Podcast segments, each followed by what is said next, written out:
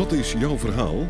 Dit is een podcast over dyslexie en aanverwante fenomenen zoals dyscalculie, ADHD, ADD, autisme en hoogbegaafdheid en over het conceptuele denken dat eigen is aan deze mensen. De podcast wordt gepresenteerd door Sean Verhoeven van Dynamica. Zij is coach en trainer voor volwassenen met dyslexie en aanverwante fenomenen. Ze gaat ervan uit dat mensen met deze fenomenen allemaal conceptuele denkers zijn. Als je dat weet en weet hoe dit denken werkt, is het mogelijk om een gemakkelijker en succesvoller leven te hebben en effectiever te kunnen functioneren in je studie of je werk. In deze podcast gaat ze in gesprek met mensen die hun eigen verhaal willen vertellen. Een verhaal dat gaat over labels, hun andere manier van denken, hun tegenslagen, de voordelen van het conceptuele denken en hun succesverhalen. Jean Verhoeven spreekt uit eigen ervaring. Ze heeft zelf dyscalculie, dyslexie en ADHD. Welkom, Tony Matthijssen. Ik ken je al heel lang. Weet je Eh, nog waar we elkaar hebben leren kennen? Ja, in het vrouwenhuis eh, bij het Rock'n'roll. dansen. Ja, ja, Ja, ja, ja. Onder het dansen zijn we aan het praten gegaan. en toen eh, ben ik bij jou in de praktijk gekomen. En jij gaat zo meteen vertellen wat voor praktijk je hebt. En daarin heb je van alles voor mij betekend ten aanzien van, hè, weet ik nu, mijn dyslexie, ADHD, hè, mijn zwartheid, mijn donkerheid in het hoofd. Dus daar gaan we het eh, over hebben, over eh, wat jij kan betekenen voor mensen met, hè, voor conceptueel denkers. Laten we het daarover hebben. Dus Tony, wie ben je? Ik ben op het ogenblik natuurgeneeskundige. Ja. Ik heb een praktijk en ik werk met kinesiologie. Ja. En bij kinesiologie vraag je aan het lichaam waar het meer of minder energie van krijgt. En dat is op het gebied van emoties. Want soms zitten er hele heftige emoties vast bij mensen, waardoor ze niet meer in beweging gezet kunnen worden en dus ook geen energie meer krijgen. Maar het kan ook zijn op het gebied van voeding, of het gebied van eh, breinstoornis, of op het gebied van zwangerschap, of op het gebied van. Het is eigenlijk heel breed. ja. Werk je veel met eh, mensen met ADHD, dyslexie? Eh, ik werk graag met kinderen, omdat kinderen de basis van alles zijn. En als eh, kinderen, als daar dingen opgelost worden, eh, dan hebben ze voor de rest van hun leven profit. Dus dan werkt de energie goed door. En eigenlijk is de start bij kinderen al bij moeders die zwanger raken of zwanger willen raken. En jouw onderwerp is eigenlijk, jij noemt het conceptueel denken. Als mensen bij mij in mijn praktijk komen, noemen ze dat meestal geen conceptueel denken. Dan noemen ze het meestal dyslexie of ADHD of autisme-spectrumstoornis. Iets in die categorie. En dan ga ik gewoon kijken van oké, waar heb je last van of wat hindert je? Wat zou je graag willen? Want ik, ik be- ben bij je gekomen en je zegt, hè, ehm, ik vraag het aan het lichaam wat er, wat er nodig is. Nou, voor mij is dat de klare taal, want ik heb dat zien gebeuren. Ik heb ook gezien wat dat met me deed en hoeveel me dat eh, opgeleverd heeft. Er was wel in die tijd dat ik wist dat ik dyslexie eh, had. Dat was eigenlijk net hè, die ontdekking van mijn dyslexie ook. Wat het gedaan heeft met me, is dat de mist opgeklaard was. En pas toen, maar ik wist niet dat ik die mist in mijn hoofd had. Pas toen wist ik dat ik mist in mijn hoofd had. Ja, en dat is wat ik hier natuurlijk ook heel veel klanten krijg. Ja, je weet niet dat je in de stress zit. Want Mhm. het is zoiets gewoons. Je weet niet dat je dit volle hoofd hebt of dat er druk is in je hoofd. Mhm. Of, want je weet niet beters. Mhm. Dus dat soort dingen. Nou, met dat, hè, ik wist niet dat ik mist in mijn hoofd had. Het was opgeklaard. En toen hoefde ik alleen nog maar in het donker te zoeken naar woorden. En later werd er ook nog een lamp aangezet. En toen kon ik, hè, hoefde ik niet meer zo te zoeken in mijn hoofd. Waardoor de dyslexie minder ernstig eh, werd. Of minder. Maar dat er het gedoe, hè, en dat is met, met alles wat ik ooit gedaan heb, steeds meer gedoe gaat er uit mijn hoofd en uit mijn lijf. Dus dat. Dat heeft het met me gedaan. Ja, en ik kan me ook nog herinneren dat je je dyslexie niet kwijt wilde. Oh ja, ja, Ja? ja. ja, Oké. En dat klopt ook. De meeste mensen willen hem niet kwijt vanwege de voordelen die het heeft. Want het heeft ook een heleboel voordelen. Ja, In het taalgebruik klinkt het meestal, in het, eh, eh, als je het op, in het nieuws hoort, meestal als iets negatiefs. ja. Maar het, eh, de meest dyslectische mensen kunnen dingen die mensen die niet dyslectisch zijn vaak veel moeilijker kunnen. ja. Dus ik snap dat je hem niet kwijt wil. De vraag is alleen, wat wil je er wel of niet van kwijt? Dus dat blijft het stukje. Wat mensen graag willen, is ruimte hebben. Ruimte in hun hoofd, ruimte in hun lichaam. Ze willen zich lekker kunnen bewegen. Ze willen het concept van ik kan mijn eigen ruimte. En soms heb je veel ruimte nodig, soms heb je minder ruimte nodig. Maar dat zijn hele belangrijke stukjes. Als je veel last van je dyslexie hebt, dan voelt je ruimte als lijn. Dan voel je dat mensen zomaar kunnen binnenkomen, zonder te kloppen of zonder dat jij ze wil binnenlaten. Het voelt veel te druk, het voelt als chaotisch in je hoofd, zodat je de weg niet kan vinden. Ja. In jouw geval zeg je, goh, het was mistig in mijn hoofd. Zo van, mijn mist klaarde op en dat was een lekker gevoel. Ja. Hoe doe je dat? Nou, in jouw geval weet ik nog wat er aan de hand was. Ja, grappig hè? Ja. Bij jou zat er een vaccinatie dwars. Uh, wacht even, wat ik gedaan heb met die vaccinatie is om te kijken of ik het, de energie van de vaccinatie, want bij kinesiologie hebben we het alleen over energie, of ik de energie van de vaccinatie die jou stoorde in jouw lichaam minder storend kon maken. Ja. Ja, zodat je er minder last van had. Nou, dat is gelukt. Bij jou heb ik het toen nog op een manier gedaan die best wel heftig was. Want ik kan me herinneren dat je er een week ziek van was. Kan je dat nog herinneren? Ik eh, ben heel veel ziek geweest uh, na dat soort behandelingen, ja. Oké, dus dat betekent eigenlijk dat ik... Ik zou het nu niet meer op die manier doen, snap je?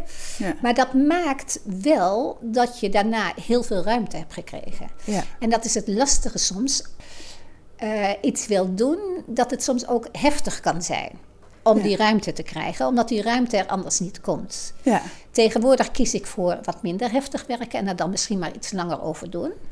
Maar het maakt wel dat die ruimte blijvend is.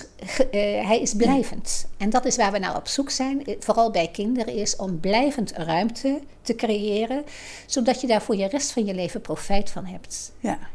En even, hè, van, want jij hebt het over kinderen en dat is, dat is helemaal goed. Maar voor de volwassenen hè, die luisteren, voordat ze denken van... oh, dit gaat over kinderen, die nee, wil ik niet volwassenen zijn. precies hetzelfde. Ja, precies. Want ik was ruim 30 hè, toen Ja, ik eh, bij je ja, kwam. ja, Ja, En wat wij altijd denken, want eh, in de tijd dat jij je vaccinaties kreeg, toen kreeg je je vaccinaties nog onafhankelijk van elkaar.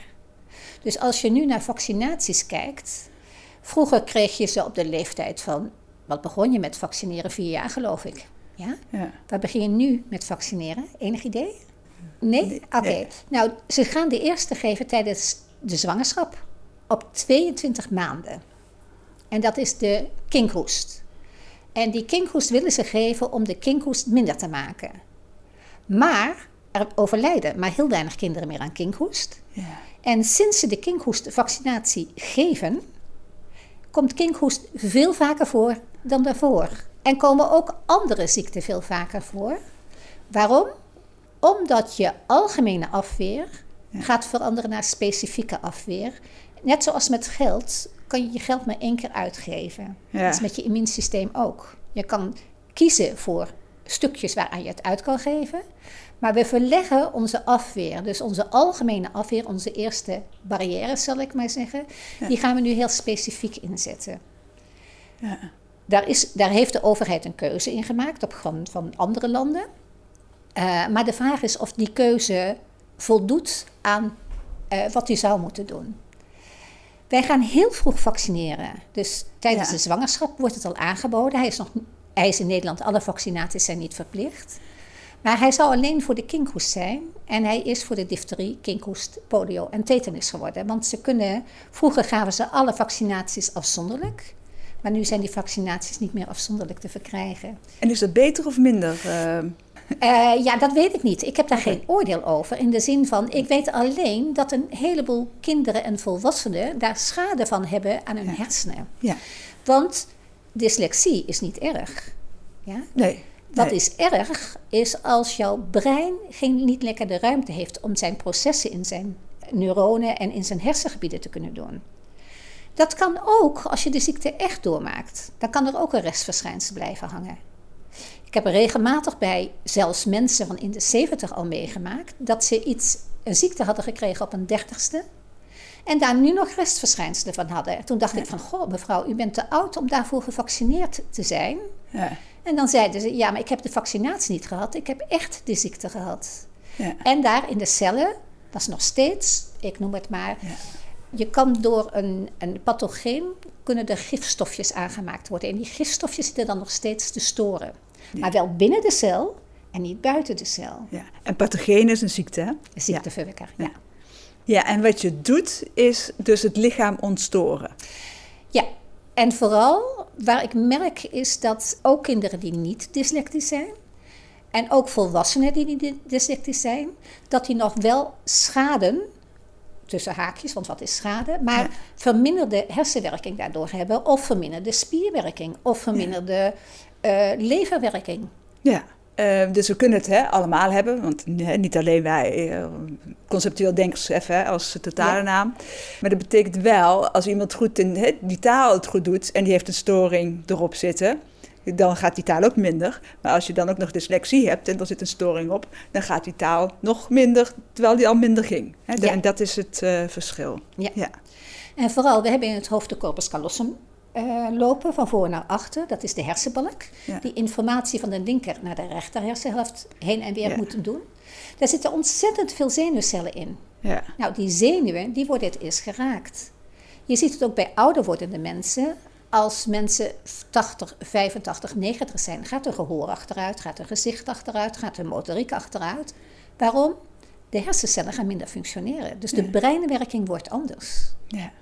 Waarom worden die het eerst geraakt, die hersencellen? Omdat die hersenen alles in ons lichaam aansturen. Ja. Die sturen je motoriek aan, bijvoorbeeld. Maar die sturen ook je, al je organen aan. Er lopen zenuwbanen. eh, maar die zenuwbanen zijn er ontzettend belangrijk in. Ja. En dus omdat ze ons aansturen, het maakt, het maakt ze kwetsbaar. Ja, want als iets niet goed aangestuurd wordt, kan je je werk niet doen. Nee. Nee, nou... Op een makkelijke manier. Want je wil het graag allemaal op een makkelijke manier doen. Dat het ook werkt. Hè? In Dat die- het jou zo weinig mogelijk energie kost, Ja. zodat je zoveel mogelijk energie over hebt voor dingen waar je het het liefst aan wil besteden. Ja, in het donker door de mist moet zoeken. Nou, je weet hè, als je auto rijdt eh, hoe dat is, eh, Ja. dan zie je niet zoveel. Nou, als je dan hè, zo opgroeit in schooltijd, dan is het niet zo gek dat het allemaal zo moeilijk was voor me.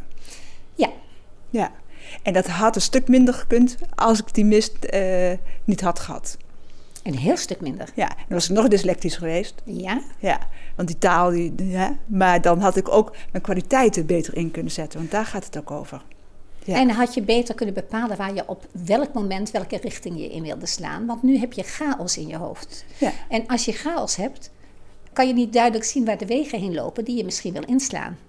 Ja, ja, en dan komt er weer stress bij en die stress veroorzaakt weer nog meer chaos, nog meer Ja, mist. je nog blijft in een vicieuze cirkel ja. zitten. Ja, En dat is wat je heel veel ziet bij mensen die dyslectisch zijn, ADHD hebben, ADD hebben, autisme spectrumstoornis hebben, ander werkende hersenen. Dus Ja. de breinwerking is anders. ja, En die breinwerking die is voor een deel door de genen bepaald. Dus genen zijn daar heel belangrijk in. Als je in je familie al een aantal gevoeligheden hebt, zoals depressiviteit of psychoses of postnatale depressies, ik noem maar, een, een- of hormonale, hele erge hormonale schommelingen, dan is dat een stuk moeilijker om kindjes te krijgen die daar ook niet gevoeliger voor zijn. En natuurlijk heb je voor kinderen krijgen een vader en een moeder nodig, dus Ja. de, de genen veranderen eh, daardoor. Maar het is heel belangrijk als je al gevoelig daarvoor bent, om uit te kijken met een aantal dingen. ja. Ja, dus je zegt eigenlijk, de trauma's die je hebt als volwassene, Ja? die geef je door aan je kinderen. De, de grote, er is grote kans, om het netjes te zeggen, er is grote kans dat je die trauma's doorgeeft aan je kinderen. Nou, laten we zeggen, het is grote kans als jij dyslectisch bent, dat een van jouw kinderen dyslexie heeft. Ja. En dyscalculie heeft. Ja. Want een aantal kinderen hebben dyslexie en dyscalculie. Sommigen hebben alleen dyslexie, de anderen hebben alleen dyscalculie. Maar er zit een hele grote overlap in, Ja. wat ik in mijn praktijk merk bij Ja. mensen. Hoe merk je dat? Hoe, waarmee, hoe zie jij of iemand dyscalculie heeft, dys, dyslexie heeft? Nou ja, dat is eh, als je mensen binnenkrijgt. Eh, volwassen mensen benoemen dat vaak. Die zeggen vaak van oké, ik heb Ritalin gehad, of ik heb eh concerten gehad, of ik heb het nog steeds. Want er zijn ook nog genoeg mensen die het nog steeds hebben als volwassenen. Ik voel me niet lekker in mijn vel, of ik heb een aantal keer een burn-out gehad, of ik heb al, nou noem de hele scala maar op. En dan ga ik met hun specifiek kijken, zo van, eh, eh, ik heb een apparaat, daar zijn een hand op leggen, waar ik heel snel de hersenwerking kan zien, laat ik het zo stellen. En dan kijk ik waar ik mijn keuzes maak. Zo van, op grond van de intake en dat apparaat en wat zij mij teruggeven iedere keer, Ja. is bepaal ik hoe snel ik met mensen ga. Bij jou ben Ja. ik toen vrij snel gegaan. Maar ik, had een, ik krijg regelmatig mensen, die krijg ik binnen. En op grond wat ze, van wat ze me vertellen of wat ze me aan de telefoon hebben verteld, denk ik, oh, hier moet ik heel rustig Ja. bij werken. Want die hersenen staan op tilt. Ja, Als iets op tilt staat, hoef je maar een heel klein deurtje te geven en iemand valt om. ja, Nou, dat is niet wat je wil. nee. Dus je, je past het iedere keer aan aan wat iemand kan hebben of wat je denkt dat iemand kan hebben. Ja. Als mensen geen diagnose hebben, kan je het dan ook eh, zien? Dan zie je dat er, want dyslexie is een verzamelnaam, hè? Ja, Oké, dat we dat heel goed hebben. En er zit een heel groot verschil tussen dyslectische mensen. Zo van, eh, het ligt er weer aan, hoeveel last heb je ervan? Of hoeveel voordeel heb je ervan en hoe weinig last heb je ervan? Ja. Want dat blijft iedere keer het stukje. Wat heel belangrijk daarvoor is, wederom een goede doorbloeding in de hersenen, heel veel zuurstof in de hersenen. Ik kan me herinneren dat bij de presentatie van een boek van Nel Hofmeester ik iemand sprak die deed aan didgeridoo. Dat had diegene heel erg geholpen. Waarom? En ik kan het me levendig voorstellen, is door didgeridoo spelen moet je anders ademhalen en krijg je veel meer zuurstof naar je hersenen. ja, Dus ik kan me voorstellen dat het geweldig heeft geholpen. Wat ik kijk is hoe ik dat eh, in mijn praktijk speel ik geen didgeridoo met mensen. Ik zou het wel leuk vinden, maar dat is niet wat ik doe. Ik kijk wel hoe ik de doorbloeding van de hersenen en de zuurstof naar de hersenen zo groot mogelijk kan maken. ja. Ja, en hoe doe je dat? Dat kan op een heleboel verschillende manieren. Ik kijk altijd hoe kan ik de hersengebieden en de hersenbanen beter toegankelijk maken. Daar spelen een aantal dingen een rol bij. Als ik weet dat iemand bijvoorbeeld Ritalin heeft gehad en kinderen wil, dan kijk ik eerst hoe iemand voordat hij kinderen wil in een zo goed mogelijke conditie komt. Mensen die weten dat ze dyslectisch zijn en er heel veel last van hebben, is het heel belangrijk dat ze van tevoren al wat doen. Als ze zwanger zijn, is het ook heel belangrijk dat ze de juiste voedingsstoffen krijgen. Bij deze mensen denk ik dat ik het zou afraden om een vaccinatie tijdens de zwangerschap te nemen. Want we weten nog niet hoe dat uitwerkt. Er zijn nog geen onderzoeken naar gedaan. We zeggen dat het alleen de kinkhoest is, maar het is het DKTP, dus het is veel meer dan dat. En eh, wat je graag wil, is je bent al gevoelig. Je hebt al gevoelige hersenen. Je wil graag een kindje wat graag minder gevoelige hersenen heeft. Ja, Dus goede voeding en goede supplementen. Liefst zo weinig mogelijk emotionele stressvolle dingen. En daarna is het ook belangrijk van, goh, kijk wat bij het kind past. Wat ik in mijn praktijk ermee doe, en dat is Ja. voor jou iedere keer een stukje, is dat Ja. ik ga kijken of ik iets met de voeding moet. Want voeding is een hele belangrijke component. Als jouw darmen niet goed functioneren, dan kan je niet de juiste neurotransmitters aanmaken die jouw hersenen nodig hebben. ja, Nou is daarvan een deel al door jouw genen bepaald, een bepaalde gevoeligheid daarvoor. Maar het is belangrijk dat jouw hersenen de goede voedingsstoffen krijgen. En daarvoor zijn de darmen ontzettend belangrijk. Dus darmwerking bij kinderen met ADHD, ADD en autisme spectrumstoornissen is ontzettend belangrijk. Wederom, de vaccinaties zijn een hele belangrijke, want dat maakt zelfs. eh, ik heb nu een jongetje voor ogen die ik behandeld heb toen hij een jaar of. Hij zat in de groep 4 van de, van de lagere school. Behandeld op de MMR-totaal. Bofmaas de rode hond. Wat er bij dat jongetje gebeurde is, wij hebben samen een opleiding in Edinburgh gedaan bij Sean Adams. Kan je Ja. het nog herinneren? ja, ja. Oké. Is dat hij een computer had Ja. waar de frequenties van de hersengolven heel belangrijk waren. Dat jongetje kon daar absoluut niet achter. Want dan, ja. Dan snap je? Ja. Oké. Ja, ja, dat ziet niemand. Maar dan, eh, eigenlijk hè, wat je zegt is ontploft. Ik zeg dan, dan ontploffen die eh, Dan hersenen. ontploffen die hersenen, letterlijk. Ja, ja. Oké, en als ik weet, ook al heb ik hem op zijn zachtste stand gedaan, ook al heb ik nooit Sean's programma, wat je in het begin moet doen, gedaan, want dat was veel te heftig voor hem. Ja. Ja? Als ik dat bij iemand zie, dan weet ik dat het heel heftig is. Ja. Dus we zijn heel rustig begonnen met hem, met het neutraal te maken. Ja, Uiteindelijk eh, mochten zijn ouders het thuis afmaken. Daar verder mee gaan, dan leg ik uit hoe dat moet. ja, En wat zij zeiden was: Goh, hij, zijn hele motoriek veranderd. Hij kan normaal vallen. Hij kon niet normaal. Hij was als een plank zo stijf. Ja. Hij had een hele gekke motoriek. En hij kreeg een normale motoriek. Ja. En daarna waren zijn dwarsigheden, zijn driftbuien. Hij kon plotseling van het een in het ander omslaan. Was verdwenen. Hij werd gewoon een gezellig jongetje. Ja. Ja. Nou, als je weet hoeveel energie dat scheelt, Jan. Oh, dat is dat zo ja. ontzettend veel. Ja. Dat is. eh, Ja. en wederom, dat is één van de dingen. Dus de, de voeding is een component, de vaccinaties zijn een component, de darmen zijn een component waar ik heel veel mee werk. Ik kijk altijd of ik ze, ik noem het maar, bij moet voederen. Dus of ze wat supplementen extra moeten innemen. Omdat er soms gewoon erfelijk tekorten zijn. Ja. En als die ko- tekorten in ouders, van kind naar ouders, naar grootouders en nog verder gaan, dan is dat lastig. Dan, dan heb je een essentieel tekort opgelopen die al heel lang in de generaties in zit. Ja. En dan noem ik het van oké, we voederen een beetje bij. Ook dat moet je kijken in welke fase, waar ze zitten, hoeveel ze bijgevoederd Ja. moeten worden, noem ik dat maar. Ja. Het is heel belangrijk als jij, eh, ik noem even het voorbeeld van een jongetje die had hele erge buikpijn. Moeder was daarvoor in het ziekenhuis geweest, zat in mijn kennissenkring. En wat bleek, hij was aan het groeien en hij kon op dat moment niet tegen kaas.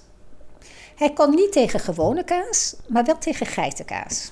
En ik heb hem één klein dingetje gegeven. eh, De ouders hebben het laten staan, geen enkel probleem meer. Ja.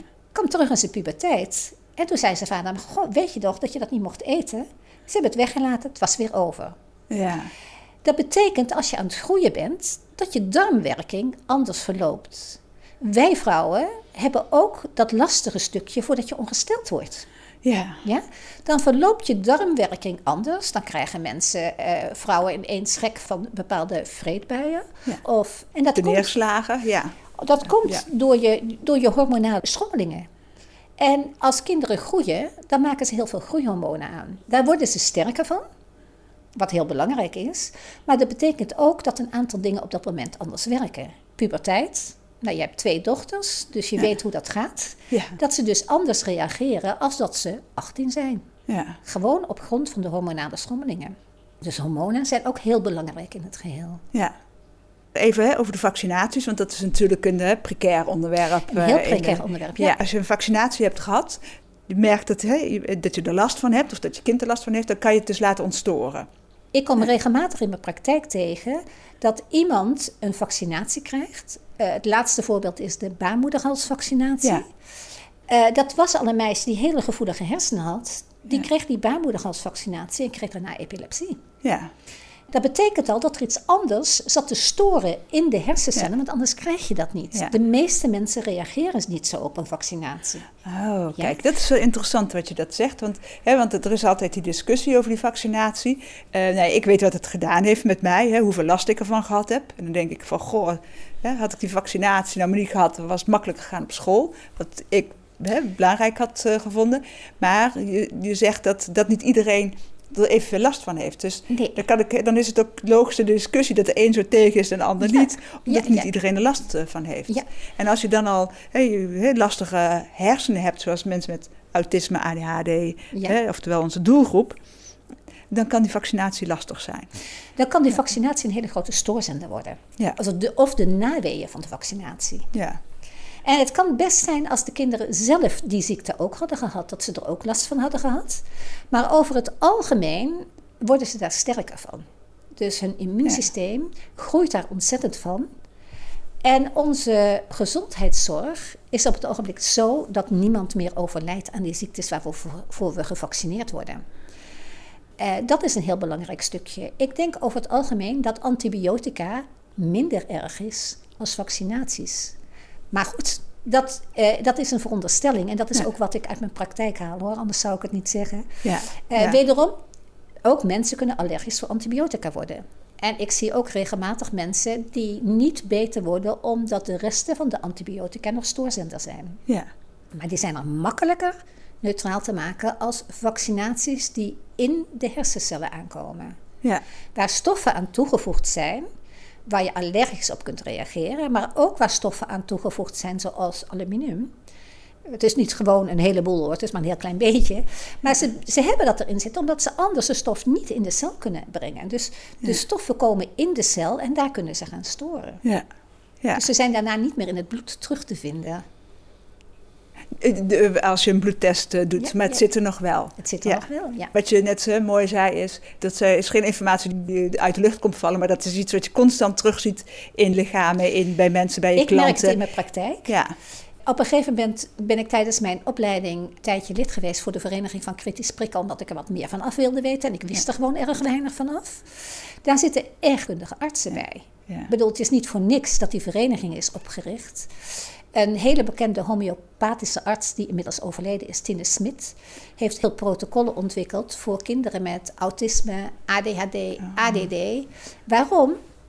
Omdat kinderen er ook aan overleden aan vaccinaties. En dan is het nu heel moeilijk om te zeggen: oh ja, gebeurt het door die vaccinatie of gebeurt het ergens anders door? Dat weten we niet. Maar er zijn ook kinderen in de rolstoel door terecht te komen, of kinderen die slecht konden bewegen daardoor. Ik heb les van een homeopaat gehad. Zijn kind zou nooit kunnen bewegen, zou altijd verlamd blijven. Hij is met haar naar een homeopaat gegaan en ze kan alles. ja. Ze is nu volwassen, ze heeft zelf kinderen. Fantastisch. Ja. Hij is homeopaat geworden omdat hij dat zo erg vond. En hij wilde zijn kind daarin goed kunnen begeleiden en mee kunnen denken. ja. Kun je nog iets uitleggen wat je dan doet, nog wat duidelijker wordt wat je precies eh, doet? Eh, in het algemeen kijk ik gewoon waar het lichaam meer of minder energie van krijgt. En hoe kijk je dan? Hoe, hoe ik kijk doe dat je? met een spiertest Ja. en met... Ik heb een paar apparaten in mijn praktijk staan die ik daar ook bij gebruik. En wat is zo'n spiertest dan? een Wat- spiertest, daarbij vraag ik aan een, een arm, Ja? ja, waar je meer en minder energie van krijgt. Ja. Normaal gesproken vraag ik eerst dingen aan jou als je binnenkomt. Ja. Zodat ik de gegevens goed heb. Ik vraag welke medicatie je gebruikt als je medicatie gebruikt. Zodat ik de voor- en nadelen daarvan weet. En ook weet wat ik daarmee mag doen en niet mee mag doen. En daarna ga je op een tafel liggen. En dan eh, vraag ik het eigenlijk aan jouw lichaam. Ja. Wat er moet gebeuren. Hoe kan jij aan mijn arm voelen wat ik nodig heb? Waarom kan ik dat zelf niet voelen en kan jij dat wel voelen? Oké, maar iedereen kan dat leren in principe. Ik geef er ook cursus in. Ja. Dus om mensen te leren dat stukje te voelen en te kijken van hoe ze zelf op een gegeven moment, en zeker bij mensen die meerdere klachten hebben, waarvan het belangrijk is dat ze dat, ze dat Ja. ook zelf leren voelen. Maar wat voel je dan? Of hoe, Hoe weet een ja. dokter of die iets moet eh, voorschrijven? Die leert protocollen uit zijn hoofd. Ja. Oké, in principe doe ik dat ook. Jij hebt je energieveld bij je en in jouw energieveld zit heel veel informatie. Dat Ja. betekent, als jouw moeder vroeger iets traumatisch heeft eh, meegemaakt, dan kan het zijn dat ik daarbij kan komen door het aan jouw lichaam te vragen. Ja, Ja? Dat Ja. ik denk, oh, waar moet ik zijn? Is het, moet ik bij een emotie zijn? Of moet ik bij voeding zijn? Of moet ik bij een vaccinatie zijn? Of moet ik bij... Maakt mij niet uit waar ik moet zijn. Als jij er maar meer energie van krijgt... en als het jou maar ruimte gaat geven om jouw ruimte in te kunnen nemen. ja. Ja, zo simpel is het dus eigenlijk. Het is eigenlijk heel simpel. Ja. Ja. En dan moet je daarna heel goed kijken naar van... oké, hoe zit iemand als mens in elkaar? Wat kan iemand hebben tegelijkertijd? Hoe hard is het duwtje wat ik mag geven? Ja, Ja? Ja. Want als ik te harde duwtjes geef, als iemand heel gevoelig is, dan kan hij dat harde duwtje niet hebben. Wat we willen graag is dat mensen niet door dat duwtje omvallen en niet meer overeind kunnen Nee. komen. Eh, we willen graag dat we zo zachtjes de duwtjes geven dat iemand zo snel mogelijk en zoveel mogelijk energie van krijgt. dus het draait bij jou in de praktijk feiten erom dat, dat mensen energie krijgen. Ja? En vooral hun hoofd energie krijgt, omdat van daaruit alle zenuwbanen naar de rest van hun lichaam lopen. Ja. Eh, niet iedereen weet dat hij weinig energie heeft. Vroeger had ik, ik had bakken energie, want ehm, ja, mijn hoofd ging altijd door. Hè? Mhm. Ja, Maar dat, is ook een nadeel van mensen die Ja. niet die ADHD hebben en minder ADHD-erig worden. Die zeggen wel eens, goh, ik mis het. Ja, Want toen kon ik eindeloos doorgaan. Ja. Ze hadden alleen niet door dat ze ver over hun eigen grenzen heen gingen. ja. Ja, en dat is ook leuk, want dan komen we terug op wat je eerder zei, dat ik niet van mijn dyslexie af wil. Ik moet in stapjes ook, want dat zie ik ook in mijn praktijk. Je moet de tijd ook hebben om te wennen aan dat nieuwe leven. En het ik, voelt heel anders. Het voelt Ja. soms ook heel kaal als je dat niet Ja, meer bij je ja. hebt. Zo van, oh ja, wat moet ik met al die ruimte? ja. En met al die rust. Ja, daar heb ik echt, eh, daar heb ik een hele, ook weer een, opnieuw een vechtpartij mee gehad. Dus met al die rust. En dat zie ik ook bij heel veel klanten. Mhm. Want het is, het is letterlijk afkicken. Ik noem het ook, het is ook een verslaving. Hè, die in het hersenen altijd maar door en altijd moeten en altijd maar Mhm. door willen. En van verslavingen moet je ook eh, nou, toch eh, afkicken. Of het nou langzaam of snel is. Wat als je al die tijd hebt? Ja, Ja, en je mag, je houdt tijd over. Ja. Want dat is het lekkere, je houdt tijd over. Van de ene kant is dat eng, maar van de andere kant, we hebben zoveel mogelijkheden in ons leven om onze tijd op een leuke manier door te brengen. ja. Als je tijd hebt en ruimte hebt, dan ga je nadenken. Ik ga nadenken. Hè. Of je gaat een leuke hobby doen. Als je dat nooit eerder gedaan hebt, hoe ga je dat doen? Mhm. En twee, ga ik liever werken dan wandelen? Hè? Want werken, ik kan tenminste zeggen dat ik wat gedaan heb. Je hebt tijd nodig om te veranderen. Ja, ja, Of aan- om aan je veranderingen te wennen. ja. Zo van, sommige mensen hebben dat nodig, andere mensen hebben dat niet nodig. Nee. Die vinden dat echt weer heel erg normaal. Ja. Die kunnen ook heel snel veranderen. Die, eh, En is dan, want dat is dan weer een leuk verschil in mensen met dyslexie, ADHD, autisme en mensen die dat niet hebben, is daar een verschil in die dat makkelijker kunnen? nee, dat hoeft niet. Nee. Dat is het grappige. Het ligt Ja. er weer aan van, oké, hoe snel kan je de ruimte die je krijgt weer gebruiken? Hoe snel ben jij in het anders leren denken daarin? Snap je? Nee, want het anders leren denken is... eh, Is gewoon, oké, ik heb tijd. Wat mag ik daarmee doen? Ja, Als je kijkt hoe dyslexie in, in de landen om ons heen is. Hè? ja, Er is bijvoorbeeld heel weinig dyslexie in landen die het Cyrillisch schrift hebben, omdat het de fonetische uitspraak heel erg overeenkomt met het Oh ja. geschreven woord. ja. Oké, in China bijvoorbeeld, het korte termijn geheugen heel belangrijk, want daarin moet je dingen opbergen. En zij hebben hele grote stukken die zij moeten onthouden als beeldschrift. Bij ons speelt als kinderen last hebben van dyslexie en dyscalculie, betekent dat het korte termijn geheugen en het lange termijn geheugen en de, de, opslag daarvan een hele belangrijke rol speelt. Ja. Als in die gebieden, ik noem het maar, eh, minder doorbloeding is, de energie minder goed doorstroomt, dan is dat lastig. Want dan Ja. kunnen zij veel minder goed hun dingen opslaan. Over het algemeen, mensen die dyslectisch zijn en dyscalculie hebben, al beide, dan zit het vaak in dat Ja. korte termijn geheugen en het, de opslag in het lange termijn geheugen. Die verloopt dan niet optimaal, noem ik dat maar. ja. Dus als je in die gebieden weer ruimte kan krijgen, dan heb je kans dat het daar beter gaat verlopen. ja. Dat zijn lastige dingen, want daar hebben we het niet over. We hebben het alleen over hoe de zenuwen lopen en dat het brein van een dyslecticus eh, anders gewired is, zal ik maar zeggen. De zenuwbanen wat anders lopen als bij iemand die niet dyslectisch is. Maar het zijn wel belangrijke stukjes. Engelse sprekende landen hebben veel meer last van dyslexie als wij in Nederland. Wij zitten bij het gemiddelde, zal ik maar zeggen. Ja. Waarom? Omdat de uitspraak in het Engels nog van alles en nog wat kan betekenen. Ja. Dus die, zij hebben woorden die heel erg op elkaar lijken qua uitspraak, terwijl ze een heel andere betekenis hebben. Zij moeten veel meer de betekenis uit de context halen. Ja, ja.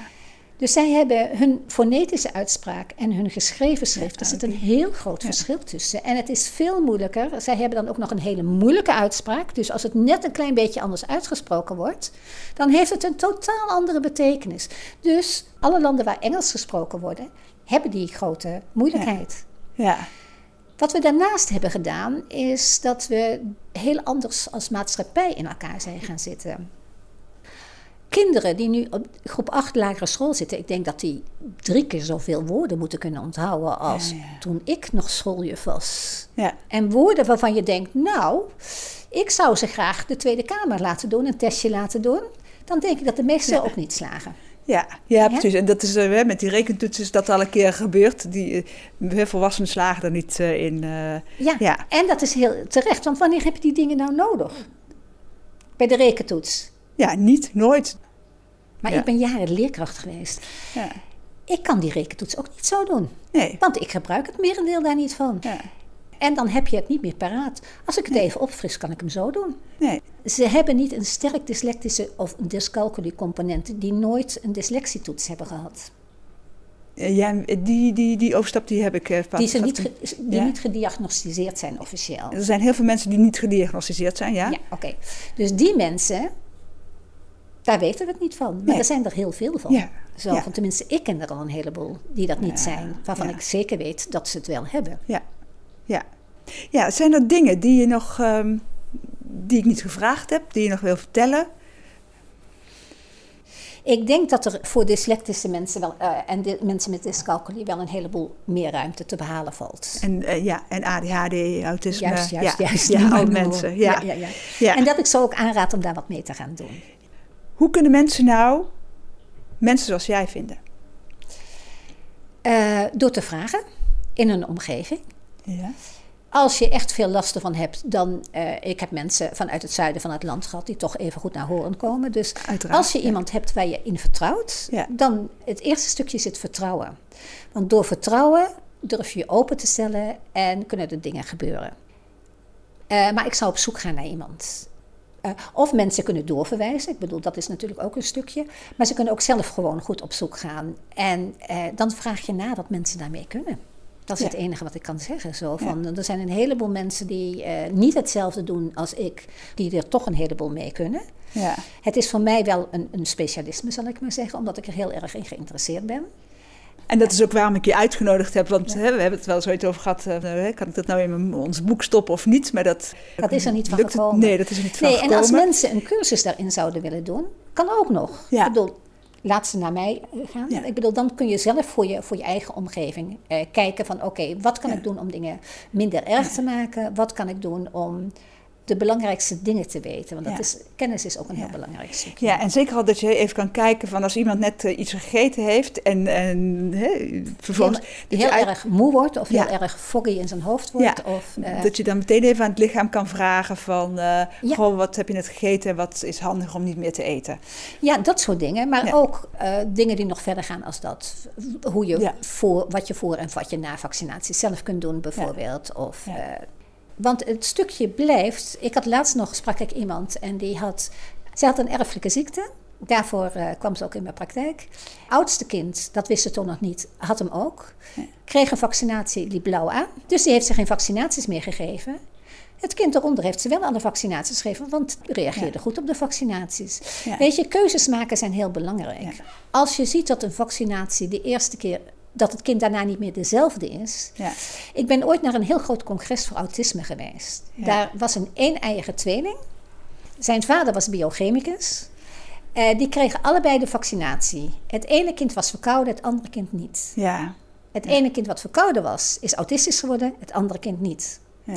Nou weet ik niet of dat alleen lag aan verkouden zijn, maar wat een heel belangrijke ding is. Wederom, ga dat soort dingen niet doen als je verkouden, gripperig of ziek bent. ja. De griepvaccinatie bijvoorbeeld, en wanneer geven we die? Eind oktober, Als iedereen verkouden is. als iedereen verkouden begint te Ja. worden. Ja, dus die moet je eigenlijk in de zomer geven. Nou, ik zou hem in de maand daarvoor geven, Ja. in ieder geval. Want dan heb je nog weinig verkoudheden. Ja. Dus dan hoeft dat stukje, niet dat immuunsysteem hoeft niet harder te werken. Of ik zou hem half september of eh, zoiets geven. Nou, als de zon schijnt. Ja, als de zon schijnt. Ja. Als ik hem zou geven. En wat ik ook zie, is dat het bij mensen met een ernstig etiketje. Eh, wederom dat die soms niet tot herstel komen of onvoldoende tot herstel Ja. komen, juist vanwege de griepvaccinatie. Ja. Ja. ja, het is zeer interessant. eh, interessant- interessante discussie ook die vaccinaties. Ja, en wederom, Ja. ik snap dat ze er zijn. Ik snap ook dat ze uitgevonden zijn. Zo van, het is alleen even, goh, eh, vroeger hadden we daar heel veel last van. Maar we zijn voor een aantal dingen beginnen te vaccineren toen er al bijna geen klachten meer van waren. Dus dat is dan jammer. En dus eigenlijk wat zo'n beetje de strekking is, is kijken of je dat je jezelf eh, gezond voelt. Zorg dat je kind eh, gezond is. Ja, Als heel doet, belangrijk. Kijken of het klopt, is er verandering eh, daarna. Ja. En als je eraan twijfelt, zorg dat je bij een kinesioloog komt die het kan ontstoren. Ja, Ik zeg wel eens, ik kan je doorverwijzen naar iemand. Ik kan zeggen, die is heel goed. Maar als jij je daar niet vertrouwd bij voelt, dan moet je ergens anders naartoe. het Dus is altijd kijk, heel belangrijk ja, dat je je vertrouwd voelt. Dat je een ingang bij mensen hebt. Zo van, en je hoeft niet te geloven in wat ze doet, wederom. Maar wel dat je je daarbij op je gemak voelt. Ja, Door vertrouwen kan je verandering in gang zetten. Want de manier van denken is ook heel erg belangrijk. Als jij een goede, heldere manier van denken hebt, haal je je veel minder op de hals. Was net op de radio nog een voorbeeldje van Nieuw-Zeelandse premier. eh, heel helder denkt en dat zij heel veel verbondenheid kan scheppen tussen Ja. mensen. Zij legt de nadruk op het positieve en niet op het negatieve. Ja. Op de mogelijkheden en niet op de onmogelijkheden. Ja. Ja, en dat is mooi, want ik merk het door hoe meer te ontspannen, kan ik steeds hè, positiever naar de wereld kijken. Dat gun ik iedereen. ik Ja, het zo. Leuk hè? Ja, ja, Die ruimte om vanuit Ja, te, te- absoluut. Ja. Kan je nog een keer je naam noemen, hoe ze jou kunnen vinden. Tony Matthijssen, website die heet Quantum Healing. Maar die is voornamelijk vanwege energiecursussen die ik geef. Eh, mijn e-mail is tomath.quicknet.nl. Dus hè, Tony Matthijssen, en je zit in Horen met de praktijk. Ja, vlakbij het station. Ja, Eh, en ze mogen altijd bellen als ze informatie willen hebben. Ja. Ik bedoel, ze hoeven niet te komen, maar ze mogen Ja. wel bellen voor informatie.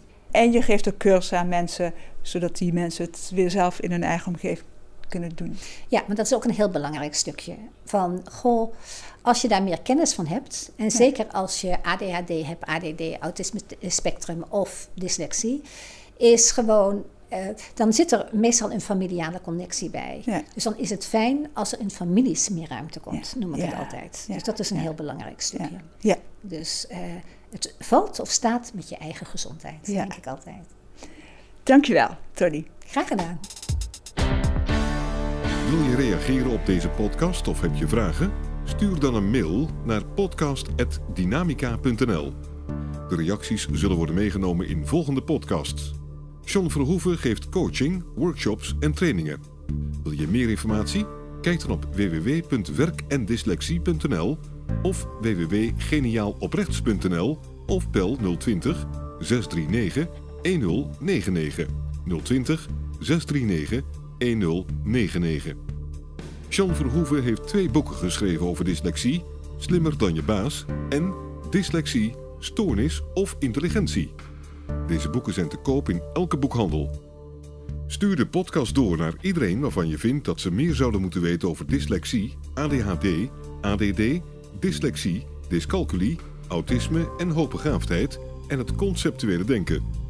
Deze podcast is gemaakt in samenwerking met Marcel de Hoog van Storytelling Media.